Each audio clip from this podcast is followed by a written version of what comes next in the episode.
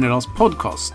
Tionde och sista delen i en specialserie med temat Här för att stanna, där vi fokuserar på vilka faktorer det är som hjälper barn och unga till ett livslångt lärjungaskap. I dagens avsnitt möter vi Ray Baker, teolog och apologet, och vi pratar om milstolpar.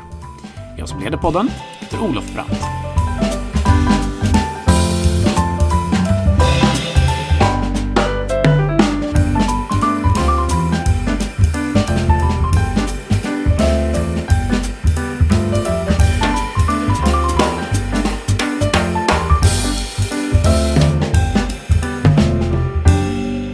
Var ni varmt välkomna tillbaka till Bibeln Idags podcast. Och idag så är det sista delen i den här tio veckor långa serien om Här för att stanna. Vi ska knäppa av den sista byggstenen.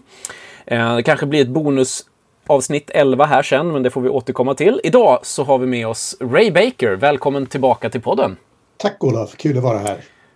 alltid lika trevligt att ha dig med. Jag tror att du Förutom Magnus som ju har varit med en hel del så kanske du är den som har varit med mest. Det ju... Ja, det är mycket möjligt. Jag tror att det är fem, sex gånger nu. Ja. Mm. Eh, men för den som nu kanske har hoppat in mitt i Här för att stanna-serien, vem är Ray Baker? Jo, jag är eh, teolog och apologet. Jag eh, jobbade i många år på Credoakademin här i Stockholm. Och, men de senaste åren på Apologia, där vi försöker att eh, hjälpa kristna människor med eh, verktyg och kunskap för att kunna förklara och försvara den kristna tron. Mm.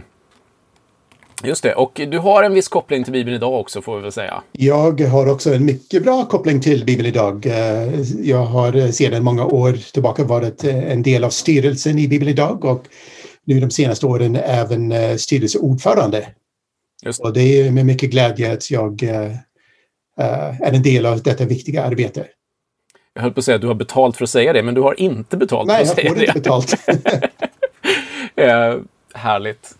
Vi ska idag prata om den sista byggstenen som jag sa och eh, vi har kommit fram till det som vi kallar för milstolpar. Men superkort här i början tänkte jag bara dra ihop det här. Här för att stanna har ju varit ett projekt som vi har haft nu i Bibeln idag i, ja det är ju snart ett och ett halvt år. Och eh, vi kom ju med en rapport Eh, så den som är nyfiken på just själva projektet kanske enklast går till här för att stanna.se och eh, läser där så finns rapporten och eh, en massa vittnesbörd och olika saker där. Eh, men en av de sakerna som vi har i Här för att stanna är en serie med byggstenar. Och det här kommer sig av att eh, Bibeln Idags internationella organisation gjorde en liknande undersökning, fast då i, i fler länder, där man tittade på vad är de faktorer som hjälper barn och unga till ett livslångt lärjungaskap. Eh, man kan ju kanske missförstå här för att stanna som att det handlar om att stanna i en viss församling eller stanna i tro. Eh, men stanna i tro låter ju lite märkligt egentligen eftersom att det handlar ju om att utvecklas och liksom komma vidare i sin tro, men att inte lämna tron helt enkelt. Det är ju det det handlar om. Och då kom man fram till, man såg i det internationella att det fanns tio stycken viktiga byggstenar. Och eh, två av dem är vad vi kallar grundstenar på svenska. Eh, och det är att eh, familjen och relationer över generationsgränserna är otroligt viktiga. Och de genomsyrar alla de andra åtta byggstenarna och det kommer vi också se idag. Eh, och den sista byggstenen vi är framme vid då, det är det som vi kallar för milstolpar. Milstolpar, väldigt kort, handlar om att i en människas liv så har man ett antal punkter, ett antal tillfällen som är viktiga för ens steg vidare. Eh, och det kan vara väldigt olika olika traditioner. Är du en baptistisk tradition kanske ditt dop är en superviktig eh, sån byggsten. Om du är lutheran kanske du inte ens minns ditt dop, men eh, den kan ju vara viktig av andra teologiska skäl såklart. Men det kan också handla om en riduppvisning, det kan vara ett prov, det kan vara studenten, det kan vara att du tar körkort. Alltså, många av de här är ganska vardagliga saker, inte alltid knutna till kyrkans värld. Men de här milstolparna då i livet eh, är otroligt viktiga. Och vi ska säga det med en gång att i andra traditioner och andra länder kanske den här punkten är ännu viktigare eftersom att man kanske har ännu starkare riter när man går över i vuxenblivande eller sådär. Men eh, vi har ändå valt att ha kvar den även i den svenska versionen för vi ser att de här milstolparna är viktiga platser och just för att de ibland kanske blir lite bortglömda av församlingen och församlingsarbetet. Eh, som att det nästan är mitt vanliga liv, mitt sekulära liv och så har jag kyrkans liv och de där kopplas inte riktigt samman. Eh, så det är lite grann vad milstolpar handlar om och det som samtalet idag ska handla om. Och så här bara initialt, vad, vad tänker du om milstolpar i en svensk kultur eller sådär? För du är ju ändå inte svensk ifrån början, liksom, så att du, kan, du har ju lite dubbla perspektiv här. Mm. Ja, precis. Jo, men jag tycker att eh, dessa milstolpar är väldigt viktiga och när man ser det internationellt så, så spelar sådana övergångsriter eller milstolpar väldigt stor roll i, eh, i en människas utveckling. Och det är många kulturer som har specifika traditioner och, och riter där en ung människa går igenom som markerar på ett väldigt tydligt sätt övergången från att vara barn till att vara myndig eller vara vuxen. Mm. Och sådana riter har vi inte riktigt i, i, i Sverige. Alltså det kanske det närmaste som vi kommer här i, i vår kultur är ju att ta studenten uh, mm. när man är typ 18 år. Uh, men uh, Ja, men, men även så, så vi, vi brukar inte markera på samma sätt att, att att eh, nu, nu är du vuxen, nu, nu ska du ta ansvar och sånt. Vi, visst firar vi, vi har ju stor fest och, och släktingar och, och, och, och allt sånt, men vi brukar inte att ta det där tillfället som en möjlighet att förmedla viktiga värderingar mm. till ungdomen som nu blir vuxen. Och det är ett stort miss, anser jag, uh, i, i hur vi markerar just uh, studenten. Mm. Nu, nu ser vi andra religiösa traditioner där uh, man, till exempel i den judiska traditionen, där man har bar mitzva eller bat mitzva för pojkar respektive flickor när man fyller 13 år. Och då har man studerat hebreiskan och, och då ska man läsa upp Toran eh, på, offentligt på en gudstjänst och sen blir det stor fest. Och, och det är ett sätt att officiellt markera att den här pojken eller flickan nu blir vuxen och mm. myndig i religiöst sammanhang. Eh, och det är också väldigt individuellt. Eh, så vitt jag har förstått det så, så är det inte bara inte massor med ungdomar som tar bar mitzvah eller bat mitzvah samtidigt utan man har en gudstjänst för en person, för en ungdom. Eh, och det skiljer sig ganska mycket från då hur vi firar eh, konfirmationen till exempel, där det kanske blir en chock på 15-20 ungdomar som konfirmeras samtidigt. så här finns hela fokus på en människa och jag tycker att det är väldigt viktigt att, ha en sån markering där. Att, eh, att visa att ja, men nu tar du ett viktigt steg i livet från att vara barn till att vara vuxen. Mm.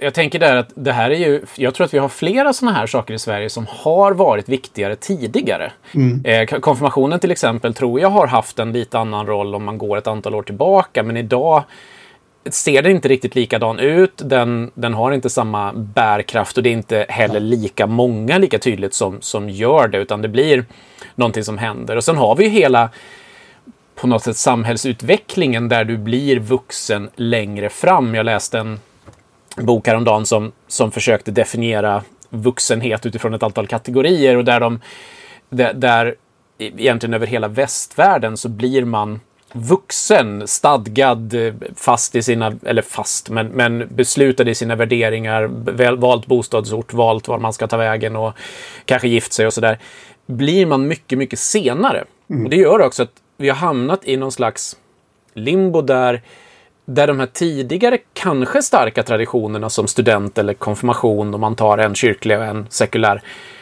inte har riktigt samma bärkraft, eh, samma tyngd i valet att gå vidare. Och det tror jag också gör att vi är lite vilsna som församlingar i vad vi ska göra av det här. eh, för eh, när, när, vi får reda på eller lyssnar på kanske en undervisning om att det är viktigt att fira milstolpar. Ja, men vilka och var och hur då? Ja, precis. För så, eh, våra församlingar, vi, vi har ju konfirmation och, och vissa församlingar, frikyrkoförsamlingar, man har mer baptistisk tradition, då, då blir det dop. Eh, Men, eh, och sen eh, brukar de flesta församlingar också ha någon slags fest för de som tar studenten.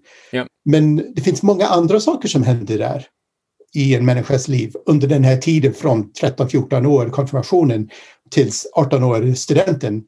Mm. Som vi inte markerar eller uppmärksammar på samma sätt. Och där eh, missar vi flera viktiga tillfällen där. Vill du ta något exempel på vad du tänker på? Ja, eh, ja, i vår familj till exempel. Nu, nu går jag över till familjen och inte Mm. specifikt församlingen. Men eh, vi har, eh, när min son, eh, jag har bara ett barn, en son som snart fyller 20, 22 år. Eh, när min son var ganska liten så gick vi till en hobbyaffär och köpte en tallrik, en helt vanlig tallrik och sen sådana ja, färger och sånt som man kan måla på porslinet och, och sen baka i ugnen så att den blir liksom fast. Eh, Mm. och, så. och han fick dekorera den här tallriken och, och han eh, målade typ ja, hjärt och, hjärtan och, och, och stjärnor och, och lite fyrverkerier och lite krumelurer och, och sånt där. Och sen skrev vi Celebrate Plate på själva tallriken. Och, och så den har vi plockat fram vid alla möjliga tillfällen för att kunna fira. Mm. Eh, om eh, han fick ett bra betyg eh, i skolan då plockar vi fram the celebrate plate och, och firar då när vi äter hans favoritmat, typ tacos eller någonting. Mm. Eh, och födelsedagar och, och inte bara när han har något att fira utan även när hans mamma, min fru och jag har, har något att fira. Så det, det har blivit en del av familjetraditionen. Bara en sån enkel sak att plocka fram celebrate plate för att fira vardagen. Mm. Det, det är saker som, eh, som vi väldigt lätt kan göra. Ja. Och här, här, kommer ju väldigt tydligt de här... Eh, att, att det kan vara... Det, vi har två kontexter, vi har två platser där vi egentligen Mm. väldigt tydligt kan försöka implementera den här idén om milstolpar. Det är familjen, eh, hemmet, hur det nu ser ut, eh, där man då kan fira det vardagliga och så vidare. Eh, men också de här större övergångarna.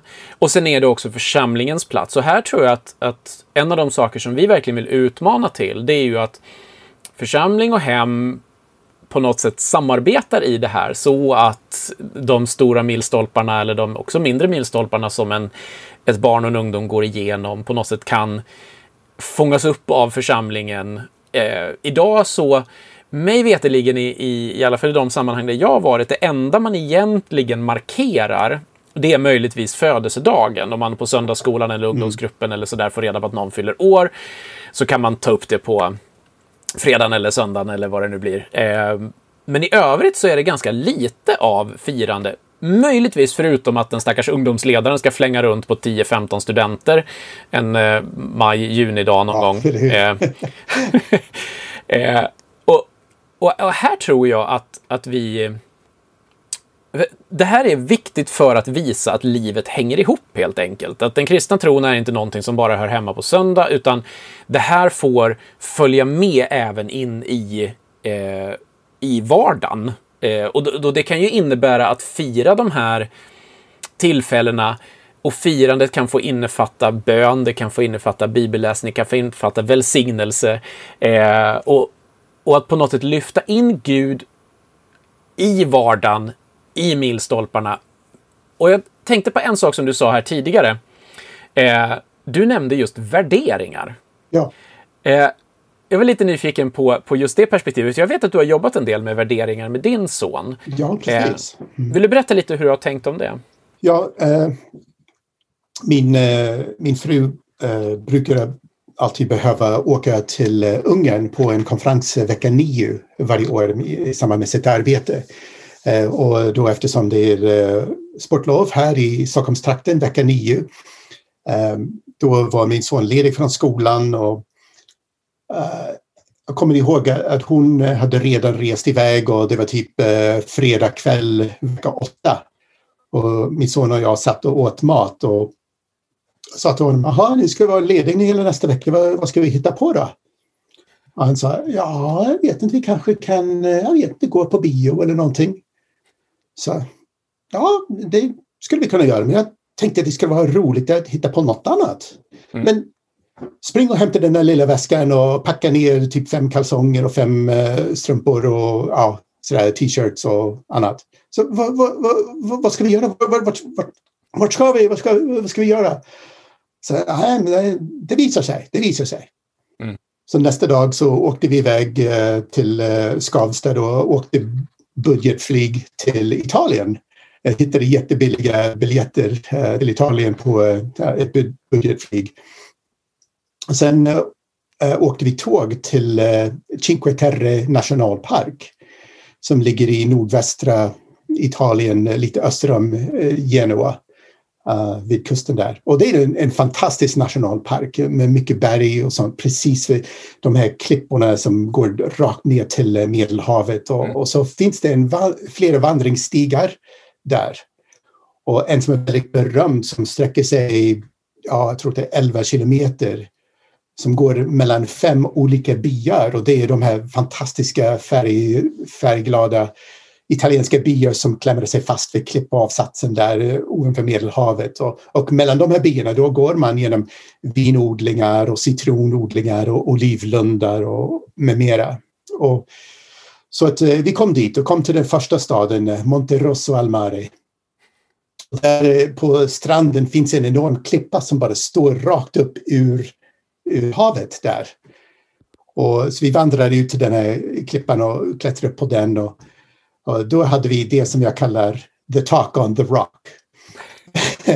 och jag förklarade för honom att uh, i mitt arbete har jag kontakt med många unga vuxna människor och uh, en sak som jag hade sett uh, är att särskilt med killar, att det var väldigt många som hade en vuxen kropp, en manskropp men de var fortfarande väldigt barnsliga mm. i hur de beter sig och i sin inställning till livet. Och det var någonting som jag inte ville att min son skulle, eh, skulle göra eller hamna i. Så jag förklarade för honom att eh, vi, kom, vi, ska, vi kommer att vandra idag och ha jättekul och äta god mat och äta gelato och allt annat. Men eh, eh vi kommer också att prata om vissa saker som jag anser är väldigt viktiga för, för honom att förstå om vilka vi är som familj och vem han är som människa och som blivande vuxen. Mm. Och sen när vi uh, vandrade genom uh, den här vandringsstigen genom skogen och sånt så ja, vi pratade om olika vardagliga saker och, och kommenterade saker som vi såg när vi, när vi vandrade. Men, men varje gång vi kom till en ny by, och det är fem byar där, så stannade vi upp och Eh, då pratade jag om någon av de här värderingarna som är så viktiga för oss i vår familj. Och, och då pratade vi om eh, ja, eh, till exempel ärlighet och att sträva efter att göra sitt bästa i livet, att visa respekt för andra människor, hårt arbete, att tänka på andra människor, att tänka långsiktigt och planera och inte bara tänka på tillfällig njutning eller tillfällig vinning. Uh, ja, många sådana saker. Mm. Och sen när vi kom till den femte byn, då gick vi in i den lilla katolska kyrkan där, väldigt fin liten kyrka. Uh, och sa att den sista värderingen som jag ville, ville dela med honom var just det där med tron. Så nu har du alltid varit med i kyrkan med oss och vi ber aftonbön tillsammans och läser Bibeln tillsammans som familj varje kväll. Och så du vet att, att tron är väldigt viktig för oss. Uh, och förklar, sen uh, öppnade upp ryggsäcken och tog fram en liten present. Och innan resan så hade jag köpt åt honom en fossil av en fisk. Uh, och då förklarade jag för honom att eh, fisken var en symbol för de allra första kristna som, mm. som led förföljelse med mera under, eh, under romarna. Uh, och det var lite som ett hemligt tecken på att man var troende, att ha lite fisktecknet där. Och, eh, så jag ville ge honom den här fiskfossilen och berättade precis som den här fisken har lämnat sitt avtryck i den här stenen i kanske ja, miljoner år, jag vet inte, men eh, jag hoppas att eh, tron också ska fortsätta att eh, lämna avtryck i hans liv och vara en viktig del av hans liv hela livet. Och så bad vi tillsammans och allt. Och nu, eh, nu har det gått eh, mer än tio år sedan dess och Uh, han, min son berättar fortfarande, trots att vi har gjort många resor tillsammans bara som far och son, uh, han berättar fortfarande att det var den eh, allra viktigaste resan som vi har gjort tillsammans. Det här är fantastiskt på så många sätt och jag hoppas verkligen att det kan vara inspirerande till er som, som sitter där hemma och är föräldrar och lyssnar. Eh, det här kommer ju in på en sak när vi tittar på de tio byggstenarna och det är att det finns ju en byggsten som vi precis har gått igenom här i podden som är höjdpunkter. Ja, den är, den är gränsöverskridande. Den här, precis. Ja, precis. De här två ligger väldigt nära varandra mm. och det som är hemligheten tror jag när man försöker förstå det här, det är att man vet aldrig vilken av de där resorna som blir höjdpunkten, som är den som man kommer tillbaka till 5, 10, 15, 20, 30 år senare, fortfarande tillbaka till. Eh, ni kanske hade många bra samtal på andra resor också, men den här blev en höjdpunkt. Ja, en, det, det lämnade avtryck på honom. Ja, precis. precis.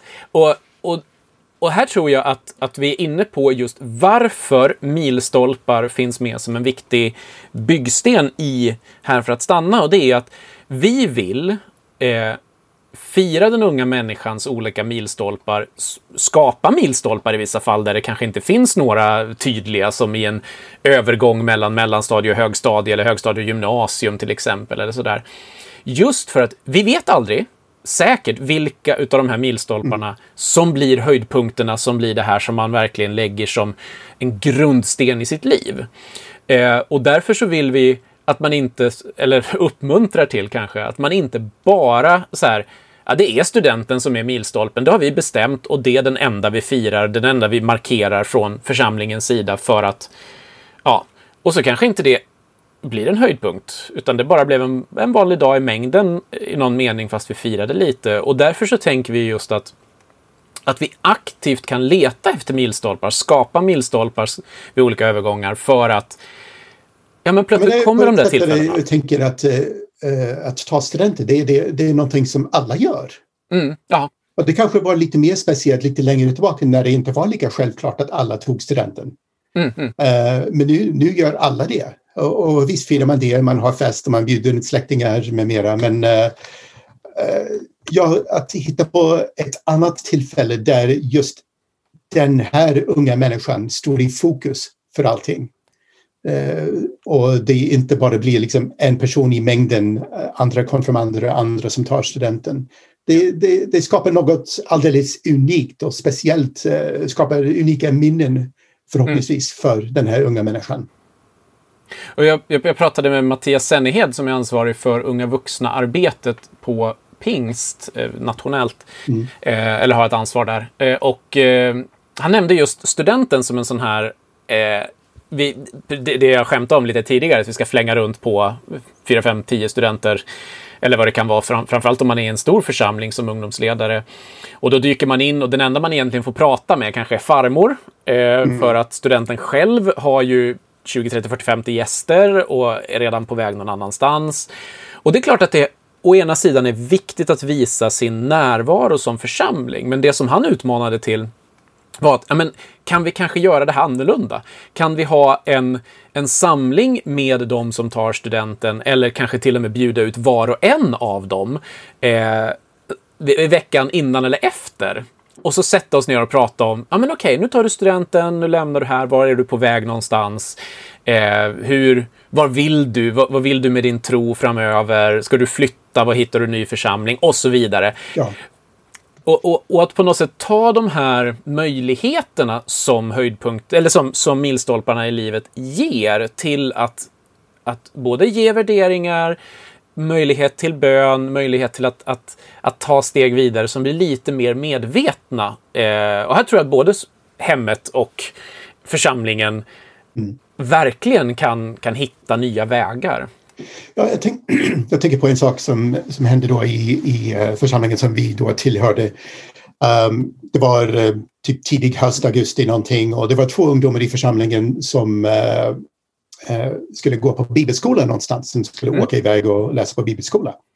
Så att de bad dessa två un ungdomarna komma fram och berätta lite grann om vilken bibelskola och vad de skulle göra och så blev det, lite, blev det förbön för dem mm. där på gudstjänsten. Och det var riktigt bra att vi gjorde det.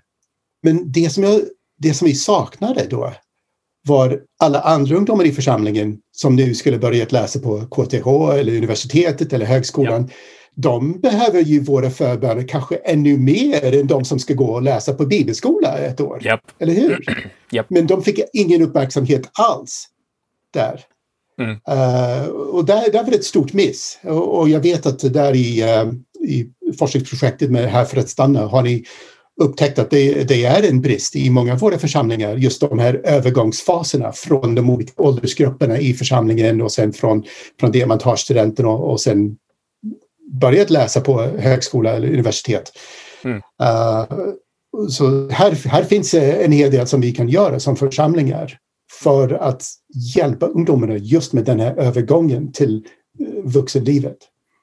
Eh, eh, jag tror att milstolpstänket, oj vilket krångligt ord, eh, verkligen kan vara en, en, en hjälp Alltså nu, man kan i huvudet kanske, det kanske blir lite grötigt, men håll isär det gärna om du sitter och funderar själv på ditt eget liv. Eh, håll isär hemmet och, och församlingen en liten stund och tänk vad, om vi ska från eh, låt säga lågstadiet till mellanstadiet, mellanstadiet till högstadiet, högstadiet till gymnasium och gymnasium vidare. Eh, bara ta de milstolparna och fundera på, ja men okej, okay, vad vill vi som familj först och främst då, eller hem eller förälder, ge till barnet här? Eh, jag kan ge som exempel från, från vår familj så har vi bestämt att någon gång under mellanstadiet på, med sikte på högstadiet så kommer vi att göra en resa, lite grann med inspiration ifrån dig här, mm. eh, med vart och ett av våra barn. Och det som vi har gjort, det är att vi, vi planerar tillsammans med dem. De, eh, jag har varit iväg med min son. Eh, min fru planerar resan med min, med min dotter och vår yngsta har fortfarande en bit kvar. Eh, men det vi säger till dem då, det är, det är då just att men vi, vi gör det här för att vi vill verkligen fördjupa en relation och att de kommer få ställa alla frågor som de kan tänka sig ha. Så min son, han samlade frågor i åtta månader tror jag. Han hade en liten bok där han skrev ner. Och det var liksom allt ifrån så här, pappa, vad är det här hbtq-grejen? Eh, till hur fungerar en förbränningsmotor? Eh, verkligen precis högt och lågt, allt möjligt. Och sen så såg jag till att på den här resan så fanns det stunder och då känner jag ju honom lite grann så jag vet vad jag behöver skapa för typer av stunder. Till exempel så älskar han att sitta i bilen och prata, så vi fick se till att ha en roadtrip inplanerad liksom för att det skulle mm. finnas tid att prata. Eh, och jag tror att man kan skapa de här eh, de här milstolparna som då förhoppningsvis kan bli en höjdpunkt. Eh, även i det enkla. Det måste liksom inte vara att man åker iväg till Italien en vecka eller som jag och Samuel gjorde till USA eh, till och med två veckor. Eh, utan, ja, men okej, va, va, hur kan vi åka ut till en stuga i skogen? Eller hur kan vi... Ja, verkligen. Ja. Hur kan vi gå en promenad här? Men att man tänker till eh, som förälder. Ja, men okej, vad, vill jag någonting med det här och kan jag försöka dra, dra igång det? Och där fungerar ju barn olika. Jag vill bara flagga för det. En del behöver förberedelsetid. Mm. Så min son funkar ju så att, att om jag gav honom åtta månader, han kanske inte hade behövt åtta månader, men just att, att så här, ja men vi kommer att få massa tid att prata. Fundera gärna i förväg vilka frågor du vill ge. Eller vad du vill ha liksom, att vi ska prata om. Eh, Medan andra barn kanske är mycket mer spontana och du känner att ja, men vi kan bara hoppa ut genom dörren här och gå en promenad så kommer samtalet igång. Eh, så där får man känna sina barn. En sak till som, eh, som jag vet att andra familjer har gjort. Eh, man behöver, som du säger, inte behöva åka iväg till något annat land eller så, men det kan vara bara åka till stugan i skogen, bara mm. far och son. Men en del familjer har också blandat in andra vuxna människor ja. som har spelat roll för ungdomens liv. Kanske mor och far, eh, syskon och, eh, och mor och farföräldrar, andra vuxna människor som, som barnet ser upp till. Uh, till exempel att barnet ska gå ensam genom skogen. Men de här vuxna vännerna finns lite varstans längs promenadstigen där och dyker upp och ansluter sig till pojken eller till flickan där och börjar prata med, med ungdomen om dessa värderingar, ungefär som mm. jag gjorde i Italien. Så, ja, det, när jag ser på dig, uh, Hampus, då tänker jag så här att du är en kille som verkligen älskar det här. Och när jag ser på dig, Maria, så tänker jag att uh, här är din starka sida och med mera. Och sen fortsätter man att vandra tillsammans och det blir gradvis fler och fler människor som ansluter sig till den här gruppen och talar in i den här mm. ungdomens liv. Och det är också uh, väldigt fint, uh, ett fint sätt att göra. Precis, och jag, jag tänker att här kan man som familj vara kreativ. Man känner sina barn, man, man eh, har troligtvis eh, lite idéer om vad det skulle kunna vara. Och om man känner att men hjälp, jag, min, mitt barn, vi pratar ju inte med varandra. Ja, men då kan mm. just en sån här avbrott i vardagen vara det som behövs för att komma igång. Ja. Eh, ja, men då bestämmer vi för att vi gör en resa här. Och tänk då in dödtid det är mitt största tips tror jag, som jag gjorde med min son. Vi, vi kommer att åka bil de här timmarna här. Eh, och att vara medveten om att den tiden finns, så att man inte packar ett alldeles förpackat schema där man alltid är med andra människor, för då får man ju inte riktigt den där möjligheten att prata tillsammans. Om vi, innan vi avrundar det här ämnet, vänder blicken mot församlingen då, så eh, finns det ju här, det, precis som du säger, en av de stora sakerna vi såg i Här för att stanna är ju att de absolut vanligaste platserna vi tappar barn och unga på som vandrar iväg och kanske både tappar tron men kanske bara tappar församlingen också i vissa fall. Eh, det är just mellan grupper, alltså i övergångar mellan beror på hur det ser ut i en församling då mellan kanske söndagsskola och ungdomsgrupp, ungdomsgrupp och unga vuxna eh, som ju, eh, eller i en flytt till en annan ort eller sådär. Och någonting som jag tror att vi där vi kan ta mil, milstolpetänkandet till hjälp är ju just att se, okej, okay, kan vi göra milstolpar av det här? Nu ska vi fira, nu ska vi göra någonting för att du går in i eh, mellanstadiegruppen eller ja. högstadiegruppen eller vad ni nu lägger de här. Det behöver ju inte vara kopplat till just stadierna i skolan, utan ni kanske börjar ungdomsgruppen när de går i åttan, vad vet jag. Eh, eller när man ja, eh, slutar i nian och börjar på gymnasiet och ja. andra sådana tillfällen. Visst. Och, och, att just hitta de här små delarna, och då är det ju bara kopplat till ren ålder. Sen kan man ju som församling, tänker jag, också visa hur viktiga eh, barn och ungdomarna är för en genom att dyka upp på den där dansuppvisningen jag nämnde. Ja. Eh, att som ungdomsledare eller som en av de andra frivilligledarna, för att här inser man ju ganska snabbt, okej, okay, även om du bara har tio ungdomar och så ska du följa deras milstolpar och försöka fira dem och dyka upp, då inser man ganska snabbt att det är svårt att göra som ensam ungdomsledare. Utan det här är ju någonting där man som behöver ta ett församlingstag om det här. Ibland är det församlingsföreståndaren som ska dyka upp. Ibland är det någon av de andra frivilliga ledarna, någon som bara är två år äldre. Men just att visa att kyrkan och det vanliga livet inte är två olika sfärer, utan att de hör ihop. Vi bryr oss om dig även när du har en dansuppvisning, inte bara när du dansar i kyrkan. Ja, visst. Det är jätteviktigt. Vi, vi hade en, eh, en, en idé som vi ska, eller vi har en idé som vi ska implementera i min församling och det är, eh, fick vi som ett tips ifrån en annan församling och de har kidnappningar. Eh, in, innan ni får panik så ska det, det är väldigt snällt. Men där tanken är att eh, ofta blir det ju så att du slutar i en grupp i maj och sen börjar du en ny grupp i augusti. Och det har gått en hel sommar och allting känns läskigt och sådär. Och just de här övergångarna tror vi att vi behöver jobba mycket med i vår församling. Eh, och det vi har bestämt att göra är att redan i april-maj så ska vi börja överföringen till de nya grupperna. Mm. Eh, och genom, då var det en församling som berättade att de, de gick helt enkelt, de tog eh, ett gäng ledare, några stycken ifrån den äldre gruppen och så gick de in i den unga gruppen och kidnappade, så att säga, de som eh, ska in i den nya gruppen och så tog man dem i, i liksom lite spännande, lite roligt, in i eh, ungdomsgruppen då till exempel. Och så var det stor pizzafest eller någonting för att fira att nu kommer de nya. Ja, och så har man redan påbörjat den där svåra överflyttningarna, börjat skapa en, en milstolpe, lite roliga eh, minnen och sådär. Och sen får man såklart anpassa det där efter ålder så man inte drar en påse över huvudet på en sexåring och skrämmer livet ur dem. Eh, det, så gör inga för stora grejer här.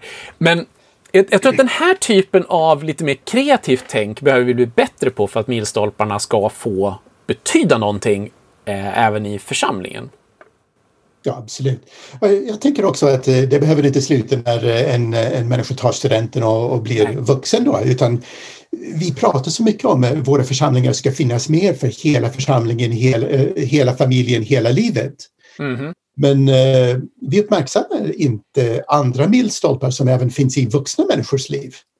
Jag, jag, tycker att vi borde göra mycket mer för att markera när ett par i församlingen kanske firar femårsbröllopsdagen. Ja, just det. Liksom be dem att komma fram och berätta hur de träffades och liksom vad det, det mest överraskande var att lära sig om den andra personen eh, under de här fem åren och räcka fram lite blommor och be för dem. Ja. Och, och, och 20 år och 50 år, eh, ja visst. Ja. Uh, Nej, men det har på något sätt blivit det. Att, att uppmärksamma alla dessa milstolpar i, i, i församlingsmedlemmarnas liv. Ja. Och, och, i någon mening så är ju det här ett verktyg för att bara se, se vardagen och koppla vardag och kyrka ihop. Ja, precis. Eh, i, i, i, dess enkelhet på något sätt, men vi har, mm. man har hittat ett verktyg för att, för att kunna prata om det då. Ja, vi hoppas att det där var, var utmanande, höll jag på att säga. Om, men om men Olof, nu, nu, har vi haft hela det här projektet med det här för att stanna. Ni har haft forskningsrapport och, och allting. Jag pratar med otroligt många församlingar och ungdomar och föräldrar. Vad är det som kommer nu? nu? Så vart är vi ja. väg? Vad, vad är nästa steget? det är ju en jättebra fråga och eh, delvis så, så har vi svar på det och delvis så är det ju, får vi se vad det tar vägen. Eh, vi kan nämna då att eh, vi släppte rapporten i eh, december och eh, den finns ju då på härförattstanna.se om du är nyfiken på vad hela världen det är för rapport vi pratar om. Så att gå gärna in och läs den där. Där finns det en massa, den är ju inte, det är egentligen inte en forskningsrapport i den, den utan det är verkligen en vi, vi, tar pulsen på hur, lite grann hur det ser ut och framförallt så är det ju ett försök att ge ett diskussionsunderlag och, och möjligheter att prata om de här sakerna i sin församling. Eh, så det som vi först och främst vill och hoppas är ju att församlingar utifrån det här börjar prata om de här frågorna och hur hjälper vi barn och unga att, att eh, få en tro som håller livet ut. Eh, det som görs just nu är dels då en massa diskussioner om vidare forskning som vi för med, med akademin helt enkelt. Vi diskuterar också vad kan vi göra för material för vanliga församlingar och familjer att, att komma igång med de här frågorna. Så att här kommer det lite material under våren, så det är bara att hålla utkik. Eh, ni kan prenumerera på vårt nyhetsbrev eller följa oss på Facebook eller sådär, eller på Instagram för den delen. Sök efter Bibeln idag så hittar ni oss. Eh, det kommer att finnas ett, ett diskussionsmaterial för typ bönegrupper. Eh, det kommer finnas ett, ett material i någon form för föräldrar och familjesituationen, för men diskussioner runt bordet. Eh, sen så hoppas vi också såklart att när pandemin släpper här, att många församlingar vill börja ta tag i de här frågorna och driva igång en lite större process. Och där står vi då som som eh, möjlig samtalspartner. Antingen bara ett, ett kort samtal, här kan man tänka på för att komma igång. Eh, eller också som vi har gjort i ett par församlingar där vi kommer, vi, vi har en, en temadag tillsammans och tillsammans församlingsledning, hur det nu ser ut hos er, ungdomsledare, församling i stort, eh, kan hjälpa er att komma igång med den här stora processen och, och hitta hur ni ska jobba med det här. För att det finns ju inte en lösning. Det, det beror på er tradition, ert lokala sammanhang och sådär. Så det är lite av de sakerna som sker. Sen kommer vi också fortsätta att producera poddar som ibland har med det här att göra och vi kommer att också fortsätta att lägga saker på vår YouTube-kanal med tips både för ledare och för, för familjer. Så där är bara några av de saker som diskuteras. Sen är det ju mycket så i en liten organisation att vi letar efter vilka är de goda samarbetsmöjligheterna som finns här? Och eh, det finns några organisationer som redan har sträckt ut en arm och sagt hörni, ska vi göra någonting tillsammans här? Så det kan ju vara spännande saker på gång som vi inte kan säga så mycket om än också. Så det är bara att följa med på resan. Ja, det är mycket kvar att göra, men det är spännande att eh, många människor äntligen liksom får upp sina ögon för, för det här. Det som många människor har haft lite känner att det är ett stort behov men har inte vetat vad man ska göra av det. Och det är Nej. kul att, att eh, du och Bibeln idag eh, tar ledningen här för att visa att ja, men här finns vissa saker som vi faktiskt kan göra som kommer att spela roll för uh, unga människor och, och, hjälpa dem att, att växa in i ett livslångt lärjungaskap. Mm. Ja, jättebra. Så det, det, det är väldigt roligt och väldigt utmanande och såklart så, så finns det inte, som jag sa, ett självklart enkelt svar, för då hade någon listat ut det. Utan i mångt och mycket så handlar det ju om att i sin familj, i sin församling, få igång processen så att man får igång många bitar. Och det är det den här, hela den här byggstensserien har handlat om. Det är ju att se att det är ju inte så att det är en av de här byggstenarna som behövs för att en, en ung människa ska liksom få det de behöver för, för ett livslångt lärjungaskap, utan det handlar ju mycket om att försöka ge så många som möjligt av de här byggstenarna. Eh, både som församling och som hem, familj. Och på så sätt ge möjligheten för en ung människa att, att, att få det man behöver. För det vi vill säga är ju att vi tror att vi tror att Gud finns, vi tror att Gud älskar alla människor, vi tror att, att Gud vill ha en relation till alla. Och därför vill vi ge alla människor möjligheten till att välja det. För många gånger så tror jag att det handlar mer om att vi genom att inte tänka igenom allt det här kanske tappar människor helt i onödan. Sen kommer det alltid finnas människor som, som av olika anledningar väljer att lämna tron. Men vi vill ge dem en ärlig chans att välja att stanna kvar. Ja, det var väl en slutpredikan höll jag på att säga. Amen. Amen. Eh, Ray, om man är mer nyfiken på just den apologetiska sidan av vardagen, jag tänkte att du skulle få nämna lite för att ni i Apologia, förutom att ni ger ut böcker, det kanske ni känner till som lyssnar, eh, så gör ni lite annat spännande här nu också i eh, dessa tider. Ja, precis. Uh, vi uh, har börjat spela in en hel del undervisningsfilmer som vi lägger mm. upp på uh, Youtube. så man kan gå in på Youtube och, och söka efter Apologia, Centrum för kristen apologetik. Och där har vi lagt upp en hel del undervisningsfilmer och vi kommer att ha inspelningsdag nästa vecka då, så vi kan lägga upp ännu fler eh, sådana filmer. Sen om eh, exakt eh, två veckor, den 10 februari, här får Olof från framtiden hoppa in och berätta. Tyvärr så spelades ju den här podden in lite i förväg så att eventet som eh, Ray berättar om här har redan varit. Däremot så är det så fint att de här eh, Apologia live-seminarierna finns på Apologias Youtube-sida som Ray så förtjänstfullt berättade om här nyss. Så gå gärna in där och eh, delta fast i efterhand då. Åter till podden. Då har vi Apologia live klockan 19.00 och då kommer min kollega och vän Stefan Gustafsson att prata om konspirationsteorier. Oh. Hur ska vi se på konspirationsteorier utifrån ett eh, kristet perspektiv? Mm. Uh, så gå in på apologia.se och anmäl dig där. Det, det, är helt gratis men uh, man uh, måste anmäla sig för att kunna komma in där på Apologia Live onsdagen den 10 februari. Just det. Så det är, det är roligt att följa ett, som så här i omställningstider, att se hur, hur organisationer och andra försöker att hjälpa, eh, även fast vi kanske inte kan mötas som vanligt. Eh, och Apologia har ju verkligen gjort ett, ett eh, gott arbete här. Det finns mycket att surfa in på där om ni är intresserade av just de frågorna. Så att missa inte det. Eh, och eh, från vår sida så stänger vi ju här den här serien om Här för att stannas 10 byggstenar. Vi kommer dock att komma tillbaka till Här för att stanna. Men eh, nästa podd blir på ett helt annat tema.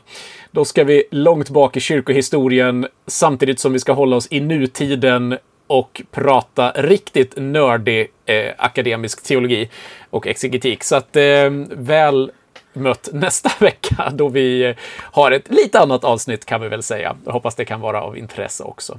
Och tack Ray för det du eh, gör både i Apologia och för att du var med idag. Tack så mycket. Ha det så fint. Hej! Hej.